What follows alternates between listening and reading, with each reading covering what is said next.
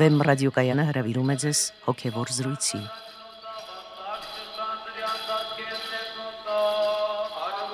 Սիրելի ունկնդիրներ, Վեմ ռադիոկայանի եթերում են արժանապատիվ Տեր Մեսրոպ Կահանա Արամյանը եւ Արա Սարգսակյան Նալչաջյանը։ Այսօր մենք կզրուցենք եկեղեցու շինության տաճարի մասին։ Օրհնեցեք Տեր հայր։ Աստված օրհնի։ Տեր հայր, եկեղեցի ասելով հասկանում ենք ոչ միայն հավատացյալների հավաքը կամ ամբողջությունը, այլև այն շինությունը, շենքը, տաճարը, ուր Աստծուն պաշտելու համար հավաքվում են հավատացյալները։ Ինչ նպատակով է կառուցված եկեղեցին եւ որն է նրա նշանակությունը, իմաստը մարդկանց իրազեկության աստիճանը ողջելու համար մեր թղթակիցն այս հարցն ուղղել է նրանց եւ ահա թե ինչ են նրանք պատասխանել։ Եկեղեցին կառուցված է որպես Աստծո օրհնանքի, այսպես ասած, բնակավայր, որտեղ հավաքվում են մարդիկ, օրհնում եւ ավելի մոտ Աստծուն երկրպագում ու խնդրում իրենց ու ցանկությունները Տաճարը կառուցվել է Աստծո կամով, որպեսզի այնտեղ հավաքվեն Աստծո սուրբերը եւ Աստծուն պատարակ մատուցան։ Աստծո սուրբ անունը տաճարի վրա է եւ տաճարում գտնվող ամեն մի անհատ, որ հավատքով առ Աստված աղոթք է անում, Աստված լսում է նրա աղոթքը։ Տաճարի հիմնական նպատակներից է, որ Աստծո սուրբերը մեկտեղ հավաքվեն միաբանությանը մեջ, որ տաճարի մեջ նաև Աստծո մսակների միջոցով, Աստծո ծառանների միջոցով, քահանաների միջոցով Աստծո խոսքը բացեն ժողովրդին, հավատացած ժողովրդին, որպեսզի ամեն մի մարդ կարողանա Աստծուն ել ավելին ճանաչի։ Տաճար հիմնականում մարդիկ այցելում են, ոնց որ մի սրբավայր համարելով դա, որպես Աստծո գոյությունը զգալու համար, գնում են իրենց այնտեղ մոմ վառելու կամ իրենց մտքերը, չէ, եկեղեցում արտահայտելու կամ այդ վանահոր հետ կիսվելու համար ոնց որ եկեղեցուն վայր, որտեղ իրանք կարողանում են Աստծո գոյությունը զգան։ Ու ամեն ինչ այդ ներկայությունը, հենց նկարները, խաչը, այդ խնկարկման, այդ գույրը, ամեն ինչը մարդկանց երևի հիշեցնում է Աստծո, Աստծո գոյության մասին։ Դժվար հարց է, չեմ կարող ասել։ Կարծիքով եկեղեցին կառուցված է նրա համար, որպեսզի մարդիկ հավատքով գնան եկեղեցի ու երևի այդ եկեղեցու մեջ դիմեն Աստծուն Դրեր ինչպես տեսանք հարցվողների մի մասը շեշտեց մեծ մասը ավելի շեշտեց որ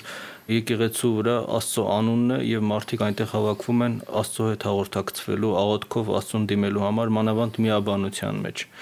Խնդրեմ ձեր գնահատականը, որքանով են այս կարծիքները համապատասխանում եկեղեցու նպատակի եւ նշանակության բուն իրողությանը։ Կարծիքները բավականին մոտ են եւ ոմանք բավականին խորը տեսակետներ հայտնեցին այն մասին, թե ինչ է իրենից ներկայացնում եկեղեցին Աստծո տաճարը։ Բայց մինչև Աստծո տաճարին գալը մենք անդրադառնանք նախ եկեղեցու խորհրդաբանությանը եւ այնուհետև տեսնենք թե ինչպես է տաճարի անհրաժեշտությունը բխում եկեղեցու խորհրդաբանությունից։ Ինքը եկեղեցի բառը նշանակում է էկլեզիա, այսինքն հավաք, Աստծո ժողովրդի հավաք, ուր էապես ներկա է Աստված, համաձայն իր խոսքի, կամ ուր էապես ներկա է Սուրբ Հոգին, այսինքն Աստծո ժողովուրդը փրկագնված Աստծո ժողովուրդը, Աստծո որդու մարդեղությամբ եւ Աստծո ժողովրդի այդ հավաքի մեջ էապես ներկա է Սուրբ Հոգին, դա խորհրդանշում է այն, ինչ որ առաքյալները ստացան վերնատանը եւ ինչ որ առումով եկեղեցին նաև Սուրբ Վերնատան խորհուրդն է կրում։ Եվ բնական է, որ եկեղեցի բառը ունի իր մեջ նաև որոշակի ընդհանրականություն պարունակող իմաստ։ Սա ենթադրում է Աստված պաշտության մի նոր տեսակ կամ դրսևորում, որը տարբերվում է անհատականից։ Այսինքն սա Աստծո ժողովրդի պաշտամունքը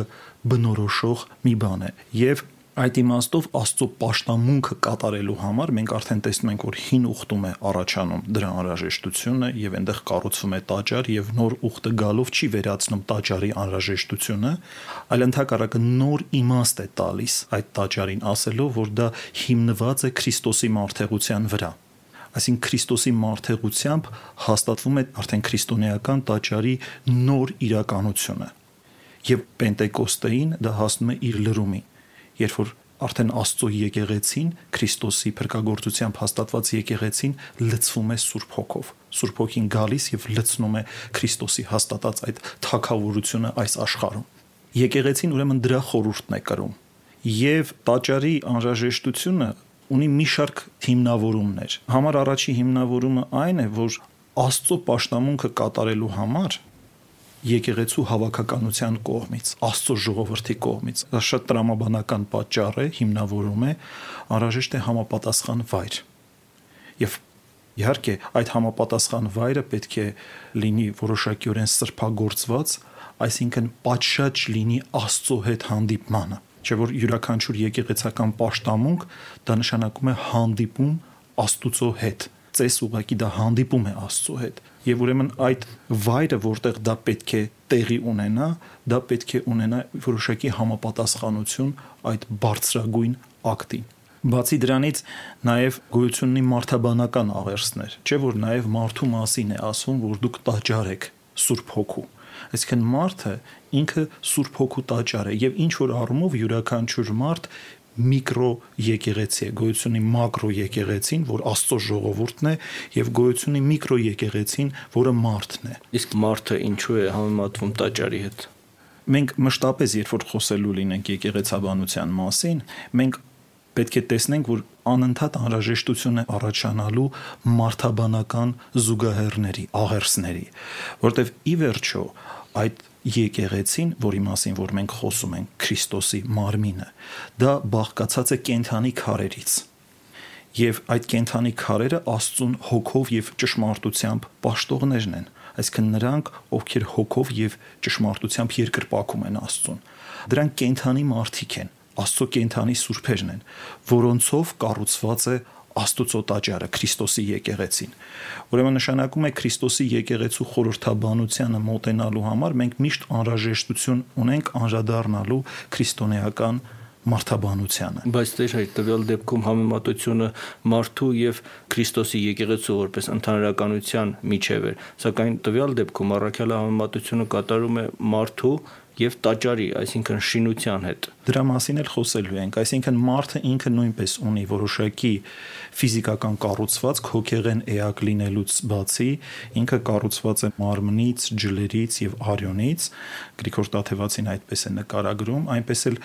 Քրիստոսի եկեղեցին լինելով հոգեղեն կառույց, ինքը ունի իր նյութական դրսևորումը այս աշխարհում, ինչպես մարդը ունի նյութական դրսևորում, եւ ինչպես Աստված մարդացավ մեզ համար, այսինքն դարձավ շոշափելի իրականություն, դա նշանակում է, որ իր հաստատած թակավորությունը այս աշխարհում լինելով հոգեղեն, հոգևոր թակավորություն, պետք է ունենա որոշակի նյութական արտահայտվածություն, եւ այդ նյութականությունը ունի իր մեջ բավականին մեծ սիմվոլիզմ, բարձրագույն սիմվոլիզմ, այսինքն այդ նյութականությունը ոչ թե նրա համար է, որ մենք մտնենք նյութապաշտության մեջ, այլ որպեսի այդ նյութական սիմվոլներով, այդ հոգևոր սիմվոլներով առաջնորդվելով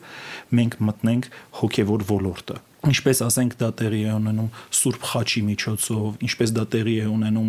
Սուրբ Հաղորդության միջոցով եւ այլն դրանք բոլորը որոշակի սիմվոլներ են կամ որոշակի սրբազան ակտեր են, որոնք մեզ օգնում են, որպեսի մենք մտնենք հոգևոր ոլորտը, հաղթահարենք նյութականությունը։ Այլ կերպ ասած, այս նյութական աշխարհում հաստատված կան որոշակի սրբազան վիճակներ, որոշակի սրբագործված սիմվոլներ, որոնք օգնում են մարդուն որպեսի մարդը մտնի հոգևոր անդրանցական ոլորտը։ Եվ ինչպես մարդը օրինակ եկեղեցու հայրերը ասում են, ունի ֆիզիկական ծնունդ եւ ունի հոգևոր ծնունդ, այնպես էլ մենք այդ նույն օրինակով, ասենք ինչպես մարդը մկրտվում է եւ ստանում է իր հոգեվոր ծնունդը, այդ նույն օրինակով օրհնում եւ օծում ենք փաստորեն տաճարը։ Եվ ինչպես մարդը ունի ֆիզիկական տուն, որտեղ բնակվում է, մարդը նույնպես պետք է ունենա հոգևոր տուն, որպեսի իր հոգևոր աշտամունքը մատուցի, որպես արդեն հոգով վերածնված ի Քրիստոս։ Այսինքն մարդը ֆիզիկական ծնունդ ունենալով ունի որոշակի անհրաժեշտություններ այս կյանքում իր այդ կենսագործունեությունը շարունակելու համար այնպես էլ հոգևոր ծնունդ ստանալով եկեղեցու հայրերը ասում են ինքը կարիք ունի հոգևոր տան այս իմաստով Քրիստոսի եկեղեցին կամ այդ տաճարը մեր բոլորիս բոլոր նրանց ովքեր գնում են դեպի փրկություն ովքեր ճշմարտապես իրենց վարքով, իրենց կյանքով եկեղեցանում են, ինչպես ասում են եկեղեցու հայրերը, ի Քրիստոս, բոլոր նրանց հոգևոր տունն է եւ եկեղեցին ունի այդպիսի նաեւ խորհրդաբանություն։ Նաեւ եկեղեցին տաճարը դա այն վայրն է, ինչպես արդեն ասացի, ուր էապես ներկա է Սուրբ Հոգին։ Դա սրբագործված, սրբազան մի տաճար է եւ յուրաքանչյուր մարդ Նույնիսկ այն մարդիկ, ովքեր որ այդքան էլ խորացած չեն հավատքի մեջ, նրանք մտնելով եկեղեցի, իրենք զգում են, որ իրենք մտնում են բոլորովին այլ տարածք։ Եվ այդ տարածքում կա եւ սրբություն, այդ տարածքում եւ կա որոշակի հոգեվոր պաշտպանվածություն, այդ տարածքում կա որոշակի խաղաղություն ինչու որովհետև այդ տաճարը սրբագործված է սրբազան մի վայր է որտեղ աստծո ժողովուրդը մատուցում է իր պաշտամունքը այդտեղ շարունակական պաշտամունք է տեղի ունենում եւ աղոթք է տեղի ունենում, որը հաստատում է որոշակի սրբության իրականություն այդ տաճարում։ Եկեղեցու հայրերը մեկնում են, որ հոգեգալստյան օրը Սուրբ Հոգին նախ լցրեց այն տունը, որտեղ հավաքված էին աշակերտները, այսինքն վերնատունը, քանի որ հոգմաձայն այդ հնչումը նախ լցրեց այդ տունը, ասում է Աստվածաշունչը, եւ ապա միայն բոցեղեն լեզուները, այսինքն Սուրբ Հոգու նշանակը հայտնվեց առաքյալների վրա։ Նույնպես եւ եկեղեցիները ըստ մեկնիշների նախ իրենք են լցվում Սուրբ Հոգով, ինչպես դուք ասացիք, սրբազան մի վայր է եւ ապա միայն պատճառ դառնում Սուրբ Հոգու շնորհաբաշխության եւ մարդիկ այստեղ հաղորդակից են դառնում սուրբ խորհուրդներին եւ դրանցով բաշխվող շնորհներին։ Եկեղեցիներն էլ այլ շինությունների նման շինված են մարդկանց ձեռքով։ Ինչն է պատճառը, որ Աստված ինքը տարբերություն է դնում եկեղեցին առանձնացնելով այլ շինություններից եւ այսպիսի առանձնահատուկ օշնություն առաքելով նրա վրա։ Նախ ես ձեզ ասեմ, որ եկեղեցին իսկապես տարբերվում է մնացած բոլոր տեսակի շինություններից։ Այդ տարբերությունը անգամ ճարտարապետության մեջ է արտահայտված, որը իդեպ նորից ունի մարդաբանական խորհուրդ, այսինքն եկեղեցու այդ երահարկ շինությունը, որը գավիթն է, ապա ուրեմն տաճարը եւ ապա խորանը, այս երահարկ եկեղեցու շինությունը խորհրդանշում է մարդու երակազմություն, այսինքն երակազմ մարդու մարդաբանական պատկերը, բանական, ցասմնական, ցանկական այս ոլորտներն է խորհրդանշում եւ նույնպես եկեղեցու խաչաձև, ուրեմն ճարտարապետությունը նույնպես խորհրդանշում է մարդուն, երբ որ մարդը ձեռքերը տարածած աղոթում է, այսինքն խաչանման տեսքով, նույնպես խորհրդանշում է մարդուն, այսինքն եկեղեցին ունի խիստ մարդաբանական պատկեր, ինչպես ասեցինք արդեն, եւ յուրաքանչյուր մարդ ինքը նաև միկրոեկեղեցի է, ինքը նույնպես տաճար է եւ գոյությունի խորը կապ մարդու ներքին տաճարի եւ արտաքին տաճարի միջև շատ խորը կապ ունի օրինակ ասենք Գրիգոր Տաթևացին որպես խորանի զուգահեռ դիտում ուր մատուցվում է պատարակը մարդու սիրտը եւ ասում է այնտեղ Քրիստոսի մարմինն ու արյունն է մատուցվում իսկ մեր սրտի խորքում մատուցվում է բանավոր պատարակը այսինքն խորը կապ կա եւ առանց ճիշտ աշխատացնելու մեր ներքին տաճարը մենք չենք կարող երբեք Քրիստոսի տաճարի խորհրդաբանության մեջ էապես մտնել այլ կերպ ասած ամեն անգամ մենք մտնելով եկեղեցի կարող ենք չմտնել եկեղեցի եւ չտեսնել Աստծո եկեղեցին որը ինչպես ասում են եկեղեցու հայրերը երկինք է երկրի վրա այսինքն դա կատարելապես նոր իրողություն է եւ դա ինչպես արդեն ասացի արտահայտված է ճարտարապետության մեջ եւ եկեղեցու ճարտարապետությունը ունի շատ խորը խորհրդաբանություն, այսինքն այնտեղ ոչ մի պատահական դետալ չկա, ամեն մի դետալը ունի իր միստիկ սրբազան նշանակությունը եւ ամեն մի դետալը պատշաճորեն օրհնվում եւ օծվում է։ Եթե մենք նայելու լինենք եկեղեցու օծման արարողության վրա, դա ամենաերկարաշունչ արարողությունն է եւ ամենագեղեցիկ ընդհանրապես արարողությունը, որ գոյություն ունի այդ արարողությունը տևում է, եթե ամբողջությամբ կատարվում է, ավելի քան 10 ժամ։ Շուշիի Ղազանչեցոց ամենափրկիչ եկեղեցու օծման արարողությունը տևեց 12 ժամից ավելին եւ ովքեր որ ներկա են եղել այդ արարողությանը, իրենք ասում եմ, որ դա մի բացառիկ փաստորեն իրադարձություն էր իրենց կյանքում։ Դա իսկապես մեծ օրհնություն է եւ բացառիկ իրադարձություն է յուրաքանչյուր տաճարի կառուցումը եւ այդ տաճարի օծումը այսինքն այդ արարողակարգի մեջ էլ դրված է արդեն որոշակի վերաբերմունք Եվ թերևս պատահական չէ, որ եկեղեցիները հենց հիմքից սկսած են ոցում այդպեսով սկսում է կառուցումը եւ կառուցումը ավարտելուց հետո էլ, ինչպես ասացիք, օծման արարողակարգ է կատարվում երկարատև եւ նոր ապա սկսում են կատարել խորհուրդները նախ հիմնարկեք է կատարվում։ Ընդհանրապես եկեղեցիների տեղերը պատահականորեն չեն տրվել։ Շատ հաճախ դրանք տրվել են տեսիլքներով, այսինքն թե որտեղ պիտի կառուցվի մենք հաճախ զարմանում ենք երբ որ նայում ենք մեր հին ճարտարապետության վրա թե ինչպիսի տեղերում են դրանք դրված կարծես հատուկ այդ տեղը ընտրված լինի նույնիսկ անգամ թե բնության ինչ վայրում է այդ տեղը ընտրված այնպես է դա ներդաշնակվում ամբողջ այդ բնության հետ, որտեվ ի վերջո եկեղեցին նաև դա Աստծո արարչության պատկերն է։ Եվ այդ Աստծո արարչության պատկերը չպիտի լինի տձև, դա պետք է ներդաշնակվի այդ արարչության հետ։ Այստեղ նույնպես կա շատ խորը աստվածաբանական պահ, եւ շատ հաճախ դրանք տրվել են տեսիլքներով եւ տրվել են սուրբ այրերի։ Իսկապես օրինակ Սուրբ Գրիգոր Լուսավորչի Մայր տաճար եւ Արակից եկեղեցիների տեղերը հենց տեսիլքով տրվեց։ Հենց Մայր տաճարի ամբողջ ուրեմն այդ մանրապատկերը Փաստորեն Գրիգոր Լուսավորչի տեսիլքով տեսավ։ Կարող ենք ասել, որ մեր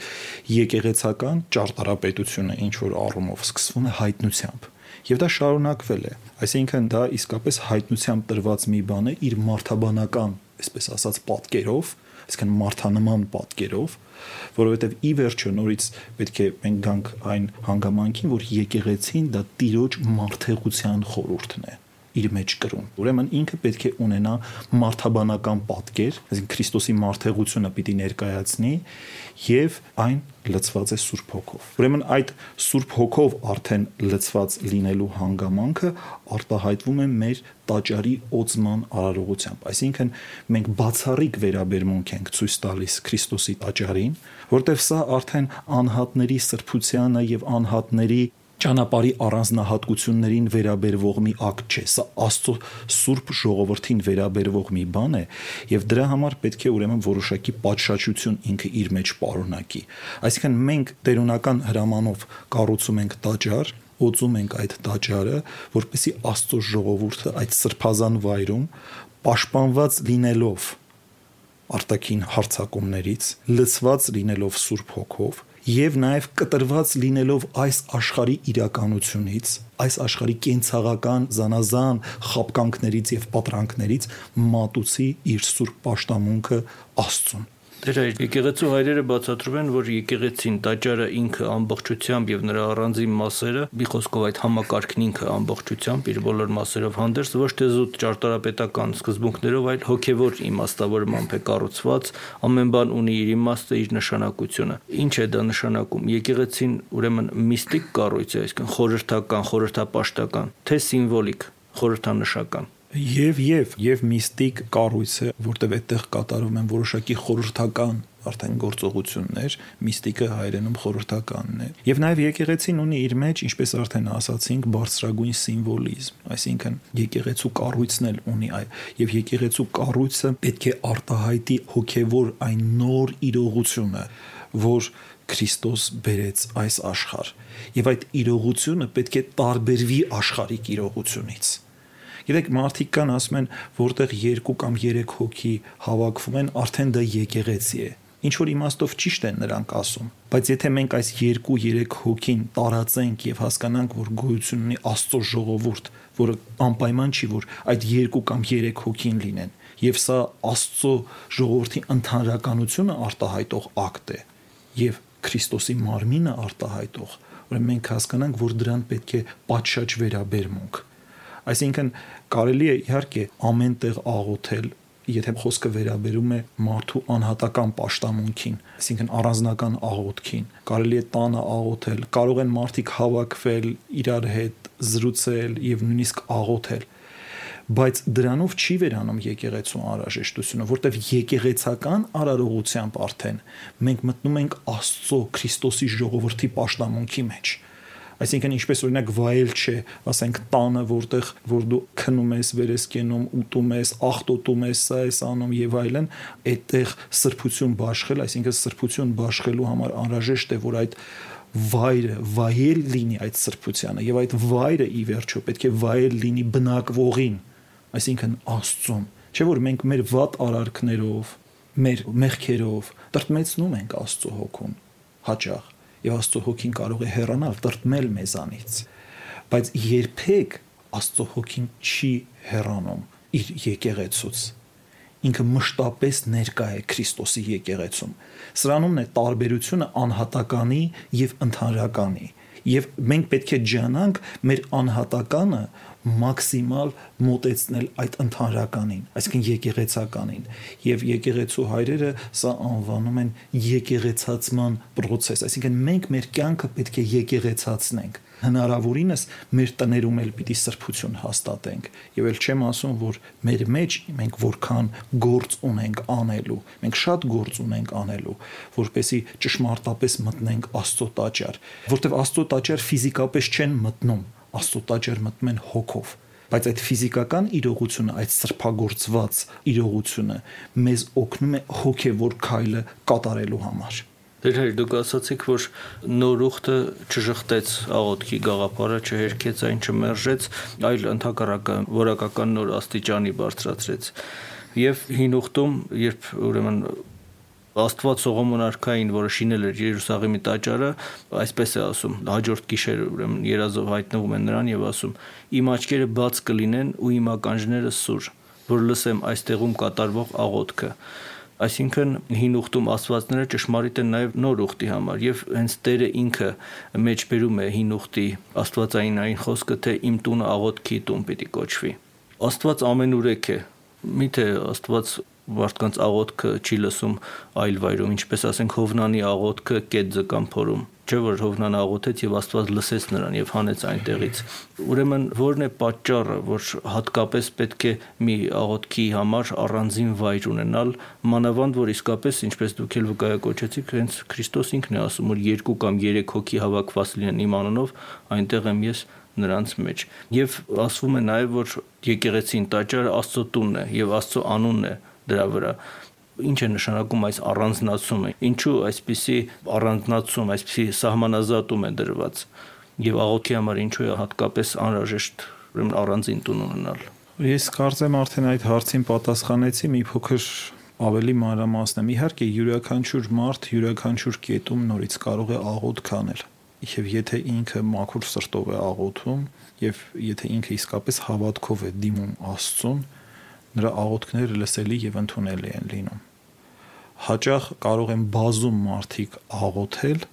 բայց նրանց աղոթքը կարող է լսելի չլինել Աստծուն։ Եվ Աստված կարող է չախորժել նրանց խնդրանքներին, որտեղ մաքուր սրտով չեն անում։ Բայց կարող է մեկը աղոթել, եւ Աստված նրա աղոթքը կարող է լսել։ Ասենք օրինակ Եղիայի աղոթքը Աստված լսեց կամ այլ արթարների աղոթքը, բայց շատերը կային, որ ասում էին Տեր, Տեր, բայց հետո Աստված նրանց ասում է, որ ես չեմ ճանաչում, թե դուք ով եք։ Ուրեմն նույնիսկ կարող է մեկի աղոթքը անգամ լսելի լինել եւ շատերինը լսելի չլինել։ Եվ այստեղ քանակական խնդիր չի դրված։ Այստեղ էապես տարբեր բաների մասին ենք մենք խոսում։ Մենք չենք խոսում 1-ի կամ 2-ի, 3-ի կամ 4-ի կամ 5-ի մասին։ Մենք խոսում ենք Քրիստոսի մարմնի մասին, որը նրա Սուրբ եկեղեցին է։ Եվ ասում ենք, որ ինչպես անյութական Աստված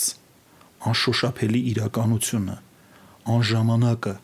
հայտնվեց ժամանակի եւ չափավորության մեջ եւ դարձավ շոշափելի իրականություն եւ այդ շոշափելի իրականության մեջ հաստատեց ինքը համաձայն տերունական խոսքի նաեւ որոշակի սիմվոլներ եւ որոշակի սրբազան խորուրդներ մեր փրկagorցության համար ապա այդ ամեն ինչի աշտամունքը մատուցելու համար մենք կարիք ունենք համապատասխան տարածքի տաճարի, որը իր ընդհանրականության մեջ նրա մարմնի խորհուրդն է կրում։ Եթե այդպես չլիներ, ապա Աստված կարող էր մի աստվածային հրաշագործությամբ փրկagorցել մեզ, բայց դա չէր լինի մերը։ Աստված ճշմարտապես մարդացավ, որպեսի այդ փրկությունը հնարավոր դառնա մեզ համար։ Եվ ինչպես յուրաքանչյուր մարդ այս աշխարհում ունի տուն, ունի որոշակի պաշտպանվածություն, ունի որոշակի կենսագործունեություն, այնպես էլ Աստծո ժողովուրդը ոչ թե 2, 3, 4 կամ 5 հոգին, այլ Աստծո ժողովուրդը։ Երբ որ ասում եմ Աստծո ժողովուրդ, սրա մեջ մենք բացառում ենք որևէ մասնակիություն պետք է ունենա իր աշտամունքի արտահայտվածությունը այս աշխարհում։ Եվ դրա ընդհանրացումը մենք տեսնում ենք Քրիստոսի եկեղեցու խորհրդաբանության մեջ։ Եվ երբ որ մենք ասում ենք Քրիստոսի եկեղեցի, մենք նախ պետք է հիշենք Սուրբ Վերնատունը Առաքյալները ոչ թե առանցին առանցին էին աղոթում, այլ միասնաբար էին աղոթում եւ սպասում էին Սուրբ Հոգու գալստյանը։ Սա նշանակում է, որ նորից եկեղեցական աշտամունքը հոգ չէ թե 1000 հատ կամ 10000 հատ կամ 100 հազար հատ եկեղեցիներ կան աշխարհում, ճշմարիտ ուղափառ եկեղեցիների մասին է խոսքը եւ իրենք տարբեր ժամերի տարբեր տեղերում են աշտամունք մատուցում դա Աստծո ժողովրդի մեկ միասնական ակտ է որի նախապատկերը մենք տեսնում ենք վերնատանը եւ այնուհետեւ նրանք լցվեցին Սուրբ Հոգով Եվ ճիշտ այդ նույն վերնատանը Տերը ուրեմն հաստատեց հաղորդության խորհուրդը, այնպես էլ եկեղեցի ասելով նախ մենք հասկանում ենք այն վայրը, որտեղ մշտապես բաշխվում է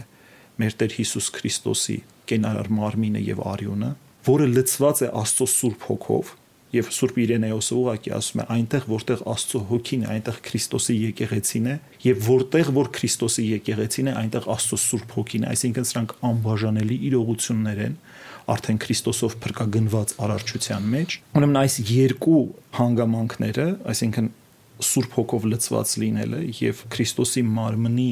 եւ արյան շարունակական բաշխումը էական պահեն եկեղեցաբանությունը անցալելու համար։ Եվ իհարկե արդեն մենք կարող ենք անցնել մնացած պահերին, որ եկեղեցին պետք է ունենա օցիալ քահանայություն, այսինքն օցիալ կղերականության դաս, որը նույնպես առաքելական հաջորդականությամբ հաստատված է, առանց դրա հնարավոր չէ մատուցել Աստծո պաշտամունքը, եւ ուղակի Տերը ասում է ում որ կապ է կապված կլինի երկնքում եւ երկրի վրա եւ ում որ երկրի վրա կարծակի կարծակված կլինի երկնքում եւ որոշակի ձևով այդ առաքելական հաջորդականությունը ձեռնադրության փոխանցված է մինչեւ մեր օրերը եւ իհարկե եկեղեցում պետք է այդ արարողությունները կատարելու համար Աստծո ժողովրդի ներկայությունը Ուրեմն այս ամենը ապահովված է եկեղեցում։ Եվ եկեղեցին իր բնույթով պետք է տարբերվի աշխարհիկ մնացած բոլոր հաստատություններից, որովհետև աշխարհիկ հաստատություններում աշխարհիկ գործեր են անում։ Աշխարհիկ հաստատություններում չկա այդ Աստծո ներկայության զգացողության նվիրական պահ եւ իհարկե պետք է այդ եկեղեցու շունչը նորից եմ ասում տարածել, այսինքն հնարավորինս եկեղեցացնել այս աշխարհը, բայց Աստված նախընտրեց որոշակի ապահով եւ պաշտպանված տարածքներ ունենալ իր պաշտամունքը մատուցելու համար։ Ըստ լրացուցիչ մանրամասն բացատրություններից հետո թերևս առավել հասկանալի է եկեղեցու ուն իմաստը նշանակությունը, որ մարդկանց եկեղեցացնելու նպատակ ունի եկեղեցին ինքը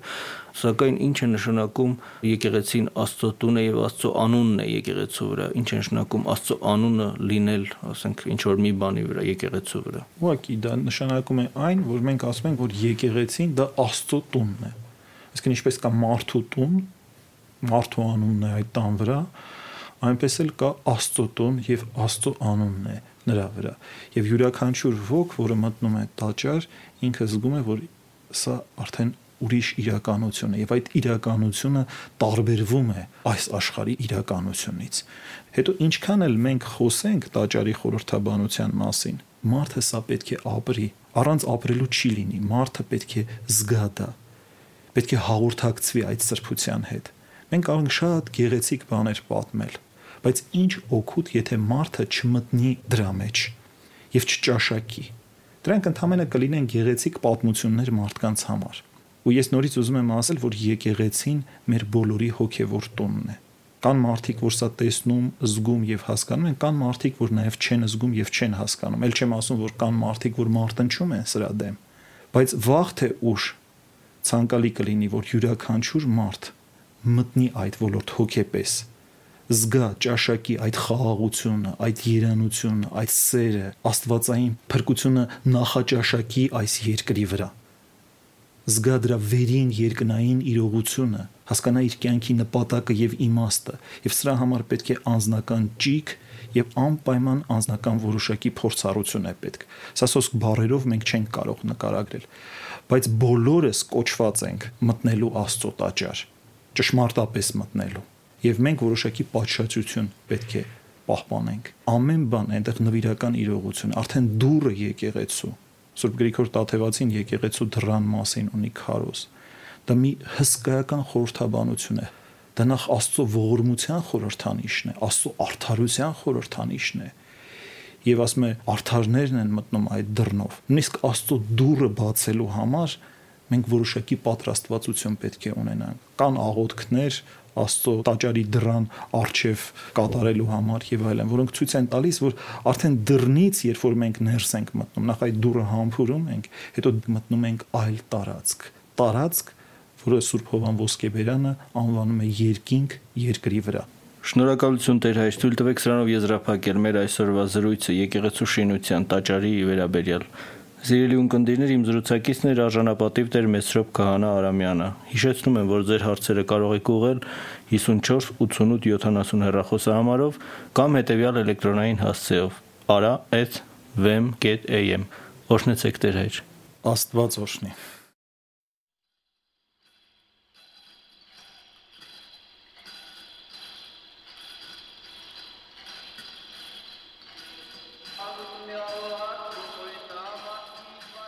Հոգևոր զրույցներ հաղորդաշարի հերթական հաղորդումը վարեց Արաս Սարգսակ Նալչաջյանը։